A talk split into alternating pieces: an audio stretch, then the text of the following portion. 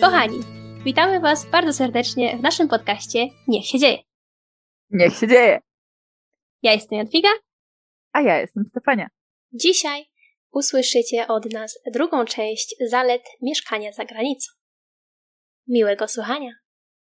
No i jeśli chodzi jeszcze o bycie i doświadczenie z różnymi sytuacjami, to tak pokrótce cała w ogóle biurokracja, całe załatwianie dokumentów, wizy, biegi na lotniskach, to raz mi się to zdarzyło, pierwszy raz w Kolumbii mi się to zdarzyło, bo nie wiedziałam, że przy przesiadce i przy migracji wyjdę z tej strefy, po prostu wyjdę na lotnisko, na główną halę i będę musiała jeszcze raz zrobić kontrolę. I miałam dużo czasu, w sensie miałam jakąś godzinę, ale w przypadku, gdy przychodzisz przez całą migrację, wychodzisz na główną salę i nie wiesz o tym, że tak będzie, ja myślałam, że przejdę płynnie do przysiadek, ale okazało się, że nie. I później szalony bieg i pytanie się, jeszcze to jest właśnie to dopytywanie się w języku ojczystym, co robić w stresie, w sytuacji stresowej, podbramkowej, gdzie iść i tak dalej, bo wtedy to już nie masz czasu na szukanie. Ten pan od, wtedy leciałam bodajże awianką, znalazłam jakiegoś pana z informacji od awianki i pytam się go, co mam robić, o, w sensie, czy ja się w ogóle tutaj dobrze znalazłam, bo nawet nie byłam pewna, czy wyszłam dobrze i gdzie mam teraz iść, czy muszę się jeszcze raz przejść przez kontrolę, a on mi mówi, tak, no, to boarding twój zaczyna się za 5 minut. I ja biegiem.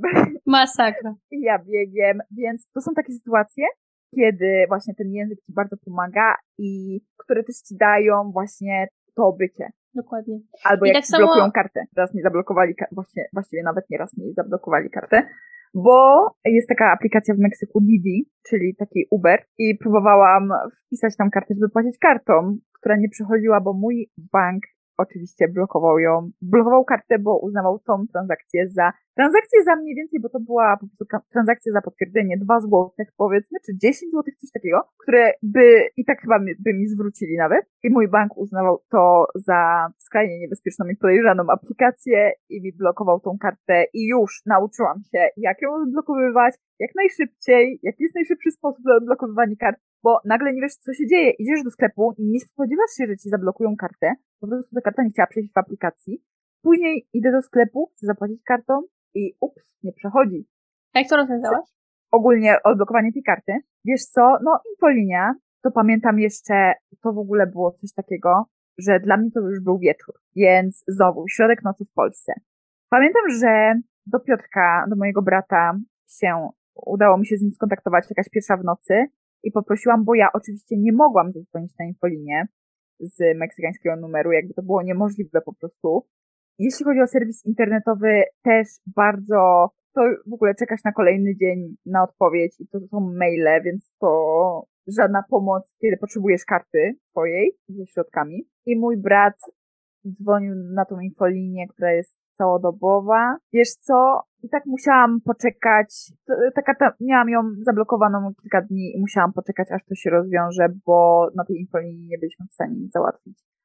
Mhm. Ale okay. właśnie to jest też taka ciekawostka, co ja robię, bo na przykład na półtora roku dałam, to znaczy poszłam do notariusza spisać upoważnienie notarialne dla mojej mamy, żeby mogła robić różne rzeczy w bankach i na uniwersytecie i formalnie i w urzędach wszelkiego typu. Zrobiłam to bardzo szczegółowo, żeby nikt się nigdzie nie przyczepił i jest po prostu z notariuszem podpisane, żeby moja mama miała upoważnienie na blokowanie i odblokowywanie kont, na, i na różne, różne sytuacje, po prostu, wiesz, przemyślanie i to, to są właśnie też takie sytuacje, które sprawiają, że ci dają tą wyobraźnię, co zrobić, jak się zabezpieczyć, żeby nie było tak, że jesteś na drugim końcu świata z różnicą czasową i, bo wiesz, co robią banki? Banki robią tak, że czasami musisz się pojawić w banku.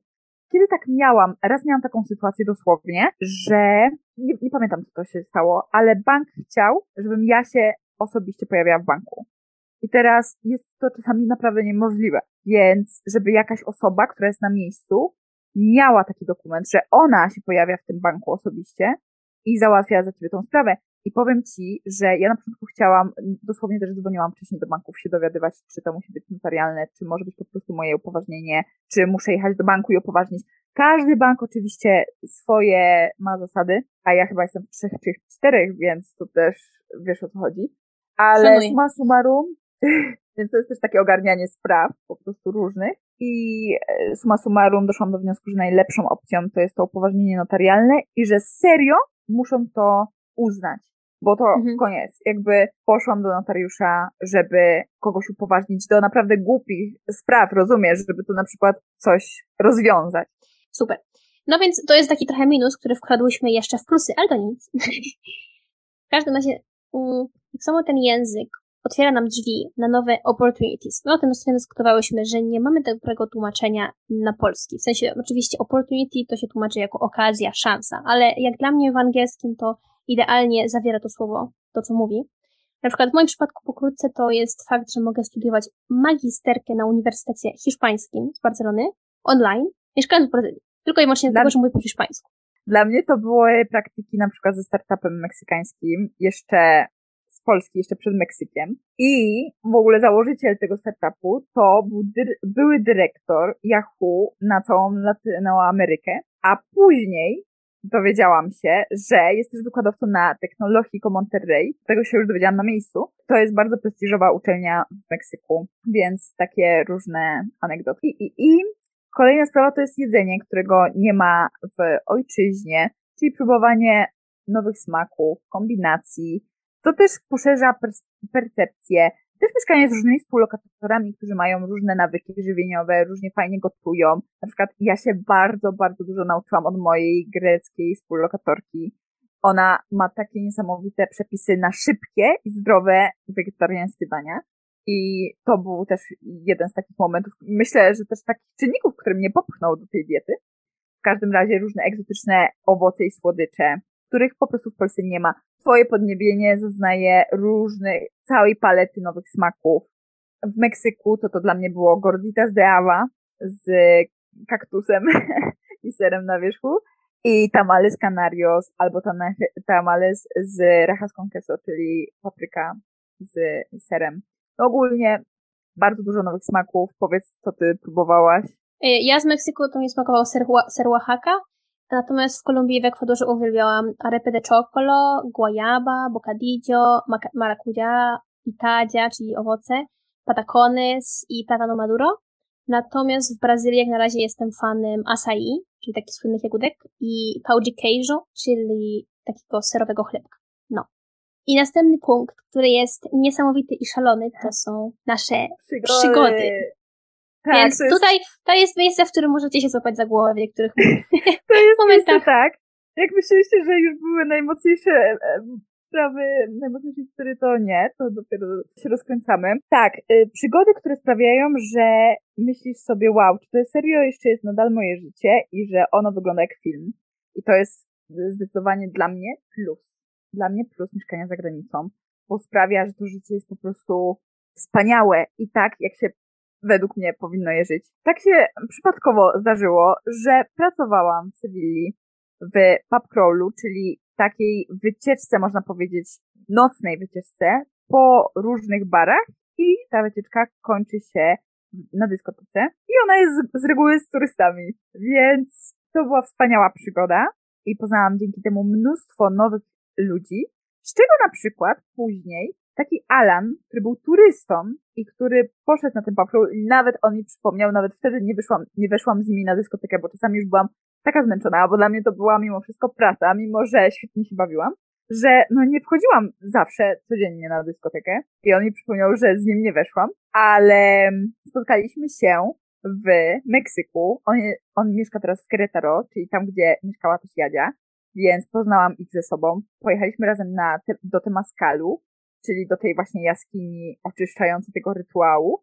I to w ogóle było tak, że się spotkaliśmy po prostu raz wieczorem, żeby wyjść tam, czegoś się napić i poznać ze sobą właśnie ciebie z Alanem, nie wiem, Lalo z Alanem, ogólnie, żebyście się poznali. A następnego dnia mieliśmy jechać do tego Temaskalu i go zaprosiliśmy. I on był jak jasne, bo też on miał fajną filozofię, mówił, że wszystko na tak.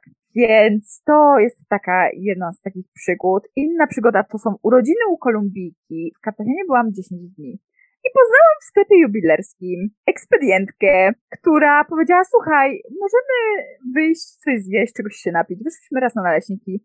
Ona mnie zaprosiła na swoje urodziny, więc jej tata przyjechał po mnie na motorze. Pojechaliśmy ponieważ ta jej dzielnica, gdzie ona mieszkała, była dosyć daleko od starego miasta, które było w miarę bezpieczne i bardzo turystyczne, a jej dzielnica była taka dosyć biedna. Właściwie tak, była biedna i turyści tam nie jeżdżą. W sensie to po prostu skrajnie nieturystyczne miejsce.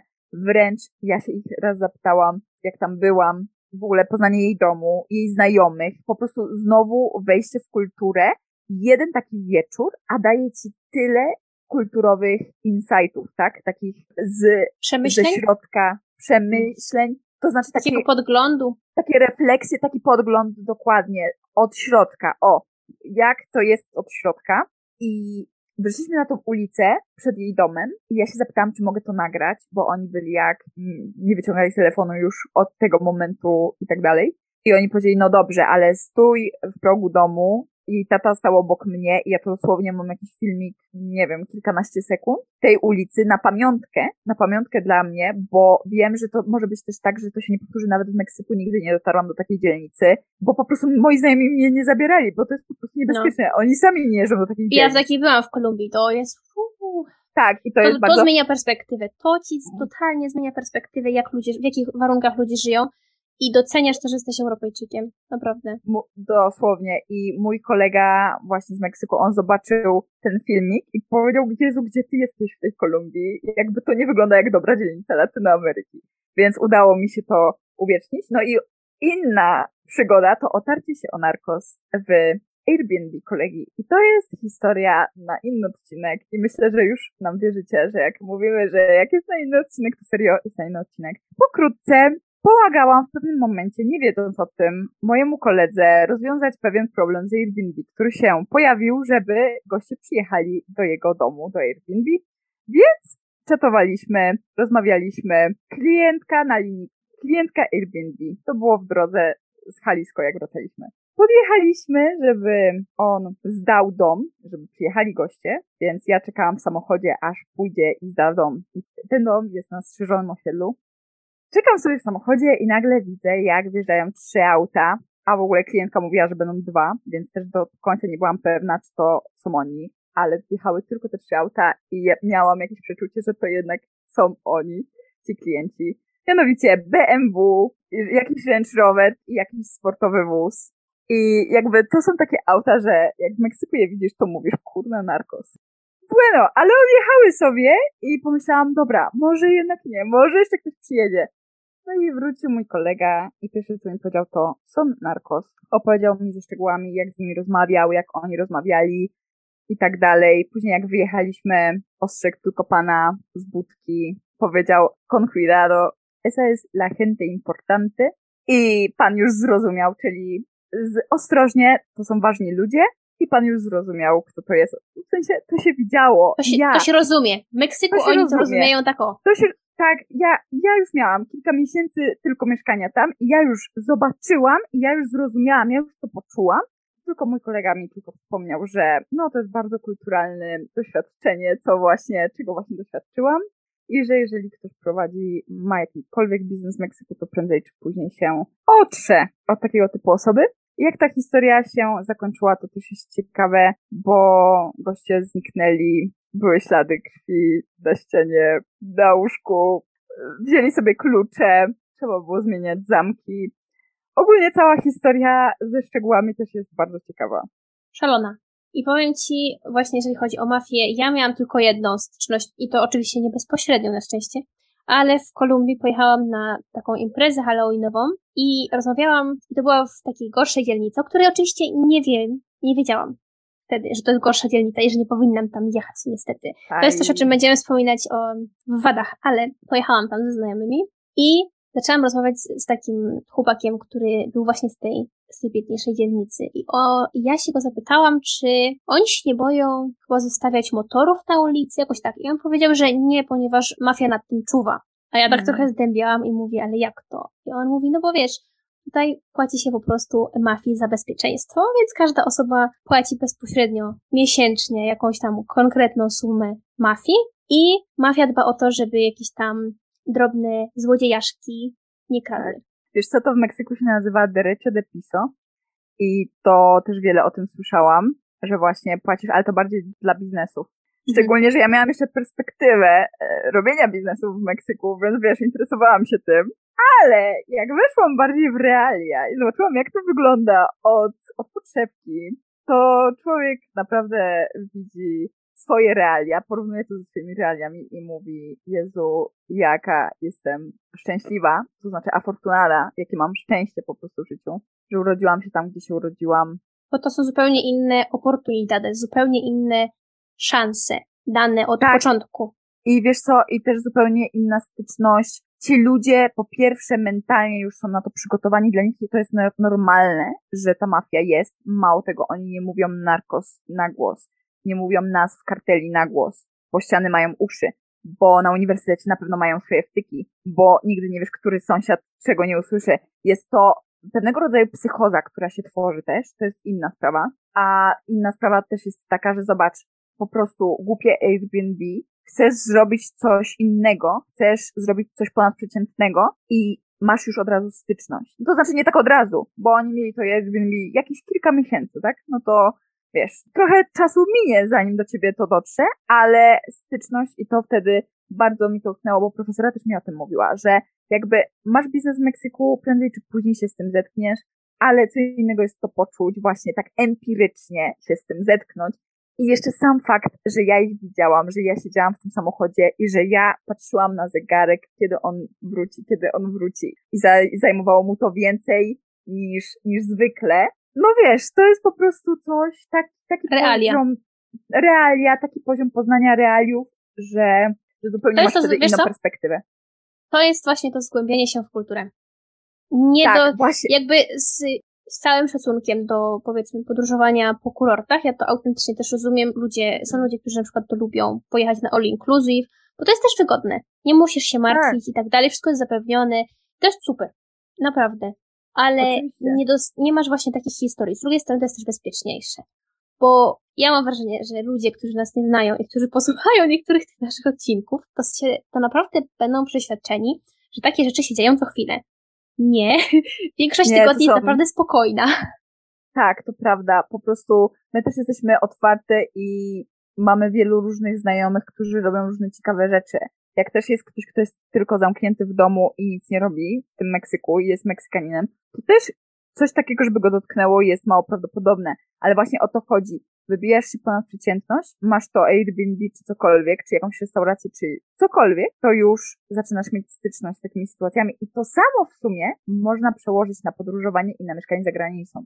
Jak jesteś w swoim kontekście i mieszkasz sobie spokojnie i masz rutę, wiesz, dom, praca, dom, praca, znajomi, to nie spotykają się takie historię, ale jak już wychodzisz do świata, to faktycznie, zresztą, co my będziemy dalej mówić, przygody, jak też mnie chcieli porwać.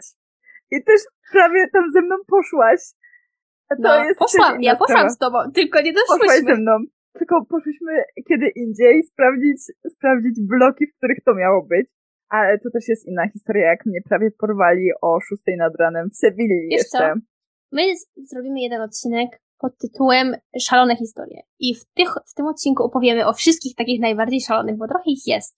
Natomiast tak, teraz przejdziemy do takiego przyjemnego punktu, żeby już powoli tak przyjemnie zamknąć ten odcinek. Mianowicie, gdy mhm. mieszkasz za granicą, jeżeli wybierzesz sobie taką destynację, która ci pasuje, to czujesz się na wakacjach przez cały czas. I to jest taki nie. Mamy też troszkę inne podejście do tego tematu, ponieważ czujesz się jak na wakacjach, bo robisz niesamowite rzeczy. My na przykład jesteśmy o wiele bardziej produktywne za granicą niż byliśmy w Polsce. Ja też to czuję, że ja w tej chwili pracuję od poniedziałku do piątku. Studiuję, robię magisterkę od poniedziałku do niedzieli, tańczę, wychodzę z ludźmi, weekendami często gdzieś jeżdżę do jakiegoś takiego miasteczka albo właśnie na plażę.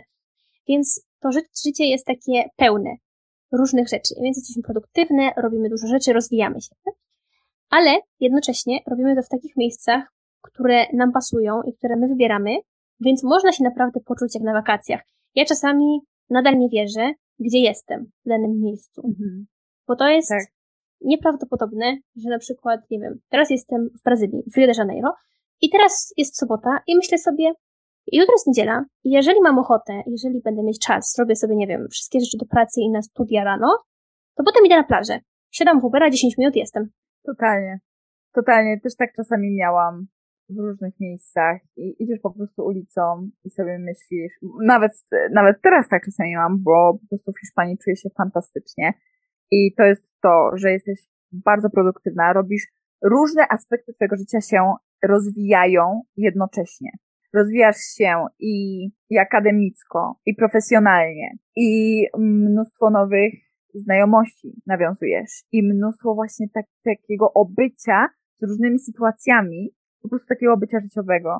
Tak, ja zdecydowanie, powiem Ci, dla mnie to po prostu, mi to daje w jakiś sposób mentalny luz, że te nowe rzeczy, ale nawet, nawet nie, jak już jestem w danym miejscu jakiś czas, już znam jedzenie, już znam ludzi, mam swoją grupkę osób, z którymi regularnie wychodzę i tak dalej, mam jakąś swoją rutynę, bo to też jest ważne i chyba też kiedyś zrobimy na ten temat odcinek o kreowaniu nowej rutyny w nowych miejscach, to nadal czuję się no po prostu inaczej niż w Polsce. Może to jest kwestia tego, że po prostu nie wychowałam się w tych miejscach i traktuję je zawsze jako jednak jakąś atrakcję. Tyle.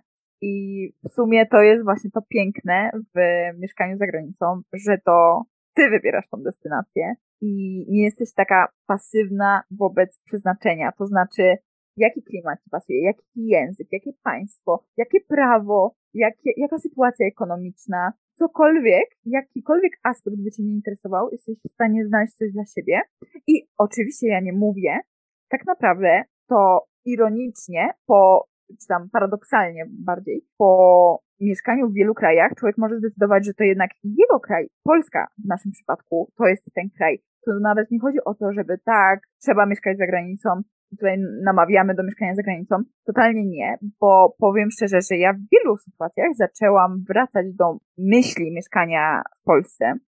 Tak jak kiedyś na przykład chciałam mieszkać 50-50, bo ja jednak źle znoszę zimy w Polsce po prostu dla mnie jest za zimno i od zawsze było. I dla mnie to jest kilka miesięcy bardzo ciężkich do przetrwania, kilka warstw zawsze pod kurtką, pod spodniami jeszcze leginsy termiczne. Dla mnie to jest naprawdę czas przetrwania, więc zawsze miałam w głowie przynajmniej 50 na 50, pół roku gdzieś, pół roku w Polsce. Później zaczęłam już rozważać przeprowadzkę z Polski, wyprowadzkę z Polski i w pewnym momencie zaczęłam rozważać to na nowo, bo jednak człowiek poznaje, sprawia, że dostrzega po prostu to swoje szczęście bycia Polką, bycia Europejką, tych wszystkich realiów, jest w stanie też lepiej porównać po prostu różne sytuacje. Okazuje się, że nigdzie nie jest różowo. Każdy kraj ma swoje plusy i minusy i człowiek zaczyna rozważać, czy jednak, bo jednak Polska jest bardzo wygodnym miejscem do życia tak stwierdzam po różnych moich doświadczeniach, co nie zmienia faktu, że nieważne gdzie się urodziłaś, ważne gdzie zostaniesz, jesteś w stanie w tym życiu wybrać, gdzie chcesz się przeprowadzić. I na przykład ja mam taką świadomość, że jeżeli ja bym chciała, żeby całe moje życie do końca życia, już dalej, wyglądało surrealistycznie jak taki sen, to ja się przeprowadzam do Meksyku. Bo tam takie rzeczy, które się dzieją, i kultura, muzyka, kolory, to jest wszystko tak egzotyczne, że ja jestem w stanie to wybrać, że moje życie będzie już wyglądało jak meksykański sen do końca. I to nawet nie mówię meksykański sen pod kątem taki idealny. I tu mówię pod kątem taki surrealistyczny. Taki, że czasami naprawdę masz wrażenie, że to się nie dzieje naprawdę. Inna sprawa, to jeżeli chcesz całą resztę swojego życia spędzić na plaży, nie wiem, uczyć surfingu. Jakby naprawdę jesteś w stanie z wyborem miejsca wpłynąć na swoją przyszłość. Ty kreujesz swoją przyszłość, ty kreujesz swoje przeznaczenie. Tak, i też my mówimy tutaj z perspektywy Europejek, bo tutaj się ktoś może z nami zgodzić, ktoś nie. Bo będą na przykład osoby, które są zwolennikami takiego coachingu, że możesz wszystko i dasz radę, a będą osoby, które będą patrzeć na to bardziej realistycznie. I ja idę na pewno też po mieszkaniu w Ameryce Łacińskiej. Ja już wiem, to nie jest dostępne dla każdej osoby. Po prostu. Tak. Bo obie słyszałyśmy już historię, na przykład mi mówili, że w Kolumbii, żeby wydostać się z tej najbiedniejszej dzielnicy, czyli Komuna Trese w Medellin na przykład, to zajmuje 11 pokoleń. Więc można sobie wyobrazić 11 pokoleń, 11 generacji, żeby wydostać się z biedy. Więc tacy, takie osoby w ogóle nie myślą o czymś takim, o czym my teraz tutaj rozmawiamy, mieszkanie za granicą i w ogóle. Oni myślą o tym, żeby przeżyć z jednego miesiąca na drugi i mieć co włożyć do garnka. Więc właśnie wszystko zależy od naszej perspektywy i dlatego ja się czuję w tej chwili bardzo uprzywilejowana jako Europejka, że urodziłyśmy się w Europie i w Unii Europejskiej. Oczywiście i myślę, że to jest bardzo ważne, że to o tym wspomniałaś. Tak, Europa jawi się osobom spoza Europy. Po pierwsze jako, jako, raj. jako raj, jako miejsce docelowe. Wiele osób nawet o tym nie marzy, bo po prostu wie, że to jest niemożliwe. Kiedyś widziałam takiego TikToka niedawno, a propos, dziewczyna to chyba była z Meksyku, ona, i mówiła, i byłeś w Europie? Ja nie byłam w Europie, a ty pojechałeś do Europy? To skąd nie wiesz, że to nie jest wymysł rządu, że jest takie miejsce na Ziemi, w którym żyje się tak dobrze, bo nikt z nas nie był, a podróżują tylko bogaci ludzie, więc skąd wiesz, że oni nie są kupieni przez rząd? Jakby dopóki nie spróbowałeś, to nie masz pewności. Nie wiem, czy to był, jak to powiedzieć, nie taki fake, ale wiesz, taki prowokujący dla żartów trochę TikTok, ale jest to przerażające, że w ogóle taka myśl wyszła. Wiesz co? To jest takie trochę jak ta rosyjska propaganda dla nas. W sensie, że wiesz, że w Rosji jest propaganda przez rząd, nie? I wiele mieszkańców nawet nie wie, jaka jest obecna sytuacja tak naprawdę, bo mają, jak hmm. wiesz, przez propagandę są, można powiedzieć, mają wypraną tę wizję ale to jest straszne to, co ty mówisz, bo mhm. no, ma to sens dla mnie, ale jestem w stanie to sobie wyobrazić, że właśnie są takie osoby, na przykład tak. właśnie z Ameryki Łacińskiej, które nie potrafią sobie wyobrazić i mogą nawet wątpić coś takiego, że taki, taki kraj istnieje, taki kontynent istnieje, gdzie żyje się tak dobrze, nie? A my jako tak. Europejczycy narzekamy na bardzo dużo rzeczy, zwłaszcza w Polsce. Ja widzę bardzo dużo takiej negatywności. I ja, ja sama się wyprowadziłam z Polski, więc ja nie będę tutaj bronić Polski, bo to nie jest kraj dla mnie, ma swoje wady, ale ma też zalety. Więc trzeba też podejść do tego krytycznie, ale też nie należy mówić, że, kra- że Polska jest beznadziejnym krajem i nie ma w niej nic. Nie, zdecydowanie. Wiesz, też same kwestie problemów, z którymi się zmagamy jako społeczeństwo, jest zupełnie, to jest zupełnie inny wymiar i poziom niż te problemy społeczne, z którymi się zmagają w tamtych krajach. I chciałam się jeszcze tak a propos ciebie zapytać, czy zetknęłaś się w ogóle z takimi ludźmi, którzy wydaje im się, że jest to niemożliwe, bo że w ogóle nie biorą takiej opcji pod uwagę podróży do Europy, bo powiem Ci, że ja w Kolumbii się zetknęłam i to był dla mnie pewnego rodzaju szok, bo moi znajomi w Meksyku to mimo wszystko osoby, które studiują, które mają jakiś poziom, status społeczny i mimo wszystko podróżując, tak trochę przez sam fakt, w jakich dzielnicach mieszkamy, przez sam fakt, co robimy, jednak trafiamy na takie osoby lepiej wykształcone, wyżej usytuowane. Ja pamiętam, że jak poznałam tych przyjaciół tej dziewczyny z, ze sklepu, bueno, z jubilerskiego, ale nadal to było dla niej jakby taka praca na, na lato, rozmowa z nimi i to jak oni na mnie patrzyli i w ogóle byli jak wow, mujer preparada. W sensie oni słyszeli te rzeczy, które ja robię i dla mnie to było totalnie normalne. Ja wręcz w pewnym momencie zaczęłam, wiesz, stopować, dawkować informacje, bo ja wiedziałam, że to jest za dużo to jest za dużo informacji, którą ja przekazuję, pod takim kątem, że ci ludzie mówili, no, chciałabym kiedyś pojechać, odwiedzić Hiszpanię, ale nie sądzę, żeby to się kiedykolwiek wydarzyło. Wiesz, jaka tu jest, wiesz, jaka tu jest pensja miesięczna? Tak mi mówili, że nie, że nie jesteś w stanie za to przeżyć, że to nie starcza no. nawet na przeżycie. To z czego ja odłożę, żeby pojechać do, do Europy? I jak oni też usłyszeli, ile ja zapłaciłam za ten wiesz, za Airbnb na przykład, to oni się złapali za głowę w ogóle, gdzie to w ogóle Kolumbia uchodzi dla nas za tani kraj.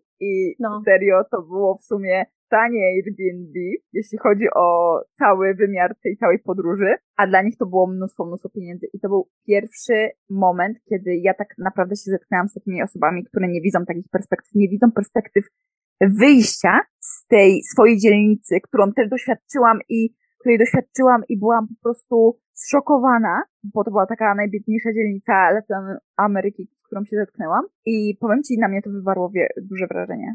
Tak, wiesz co? Mogę powiedzieć, że miałam kontakt bardziej pośredni niż bezpośredni.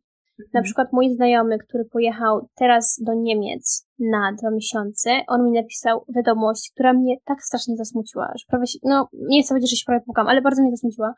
On powiedział, że słuchaj, jest mi tak przykro, jak obserwuję sytuację w Europie i jak rozmawiam z Niemcami, bo tutaj on powiedział taki w ogóle ekstremalny, nie, nie tylko ekstremalny przykład, ale opowiedział mi o takim gościu, który naprawia rowery, z którym rozmawiał i że ten gościu mówi, że no ja to właśnie pojadę sobie na wakacje do Hiszpanii, czy coś tam. I też właśnie on mówił o, o wielu osobach, z którymi rozmawiał, którzy mają plany, żeby pojechać sobie na przykład na rok na gap year, pojechać gdzieś za granicę, pomieszkać za granicą przez rok, gdzie w Latynoameryce w większość, w wielu przypadkach to jest totalnie niemożliwe. To jest wizja totalnie tak oderwana od rzeczywistości, bo ludziom, ludzie nie są w stanie odłożyć oszczędzić pieniędzy, jak wiesz, z miesiąca na miesiąc, a co dopiero mówić o czymś takim, jak podróż do innego kraju, gdzie wiemy, jakie są też ceny lotów i w ogóle, plus dochodzi do tego transport i wszystko, a co dopiero mieszkać, przeprowadzić się do innego kraju.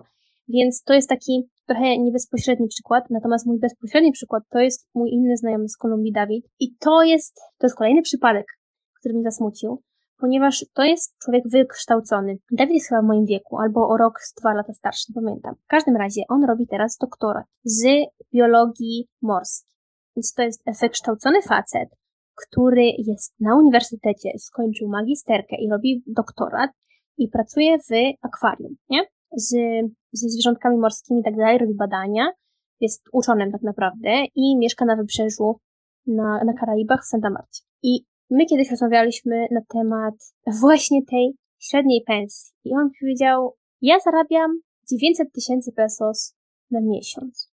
To jest jakieś 900 zł. I on mi wtedy powiedział chyba, że, Boże, to było tak pewnie, że nie pamiętam dokładnych liczb, ale że jakieś 600 czy 700 zł musi zapłacić za mieszkanie i za jakieś ubezpieczenie, które jest obowiązkowe i wtedy zostaje mu na życie jakieś 200-300 zł gdzie musisz w to wliczyć jedzenie, ewentualnie jakieś wypadki i gdzie zostaje cokolwiek na odłożenie pieniędzy, na jakiekolwiek oszczędności, na jakąkolwiek rozrywkę i dopiero potem możemy w ogóle rozmawiać o podróżach, nie?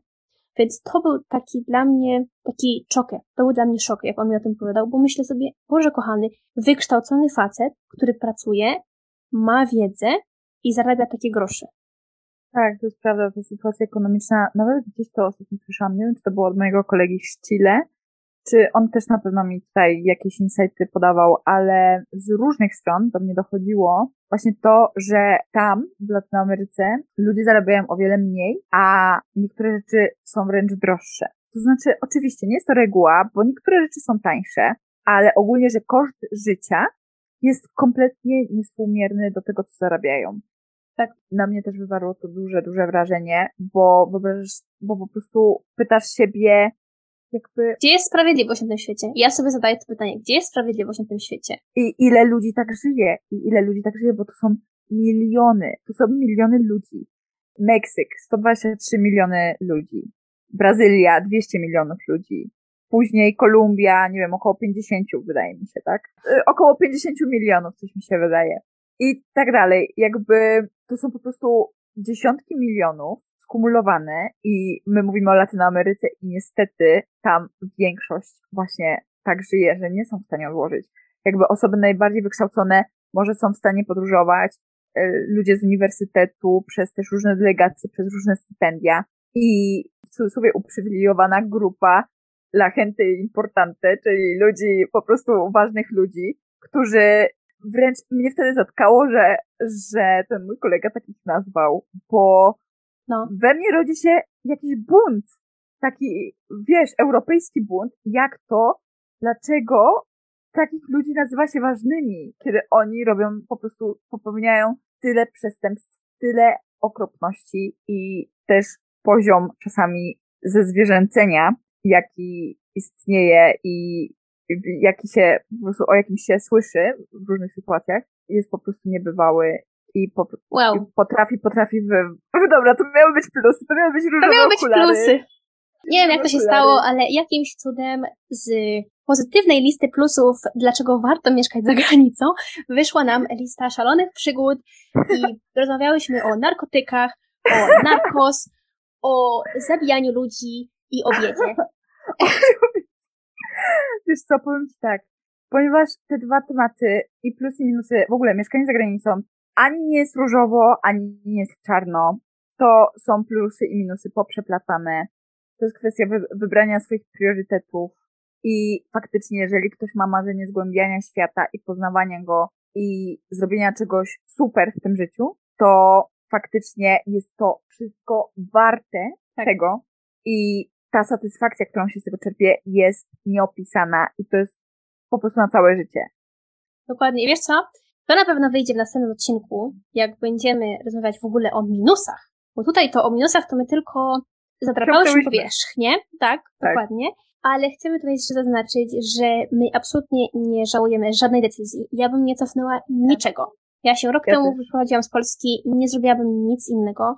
Nie zostałabym w Polsce zdecydowanie, nie? To, czego ja doświadczyłam w ciągu tego roku, czego się nauczyłam, to jest nieopisane dla mnie i bezcenne.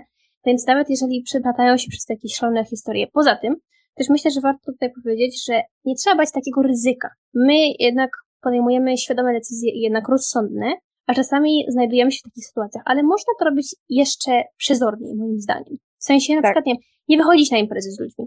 Można. Można. Albo tylko, wiesz co, to jest to, co mi powtarzali zawsze w Meksyku. Dopóki wychodzisz ze swoimi zaufanymi znajomymi, to wszystko ok. I też wiesz, my teraz bardzo intensywnie zmieniamy miejsce zamieszkania i podróżujemy, co też wpływa na to. Ale jak mieszkasz w mieście, przeprowadzasz się na stałe i na stałe, dobra, na dłuższy czas, albo na stałe, właśnie z, przez pracę, przez różne koneksje rodzinne i tak dalej, chcesz sobie ułożyć gdzieś e, życie i mówimy tutaj teraz o zagranicy, to zdecydowanie już cię spotyka spokojniejsze życie. I wtedy tak naprawdę te plusy się potęgują, bo to wszystko, o czym mówiliśmy, czyli właśnie hartowanie charakteru, tak, to jest nieopisane, jak się rozwijasz i ile jeden rok za granicą jest ci w stanie dać, to jest nierówne, nawet myślę, pięć lat w, w Polsce. I serio tak ryzykuję takie stwierdzenie, ale naprawdę też inaczej jakoś to wszystko funkcjonuje. Zgadzam się. Działa. U mnie w moim przypadku jest dokładnie to samo. Więc tym samym kończymy oficjalnie ten pozytywny odcinek. I już za chwilę, myślę, że za tydzień pojawi się odcinek o negatywnych stronach, a więc już wejdziemy we wszystkim, ponieważ też trzeba tak. Patrzeć realnie na tę sytuację i to nie są tylko kwiatki i, i same pozytywne sytuacje, trzeba patrzeć realnie i trzeba zrobić sobie w głowie listę plusów i minusów i czy nam się to opłaca i mhm. czy to jest dla nas. Więc dlatego zrobimy odcinek o minusach. Mamy nadzieję, że Wam się ten odcinek spodobał i że Was nie zanudziłyśmy i że chętnie posłuchacie również następnej części. Tak jest. Tak. Do usłyszenia. Do usłyszenia.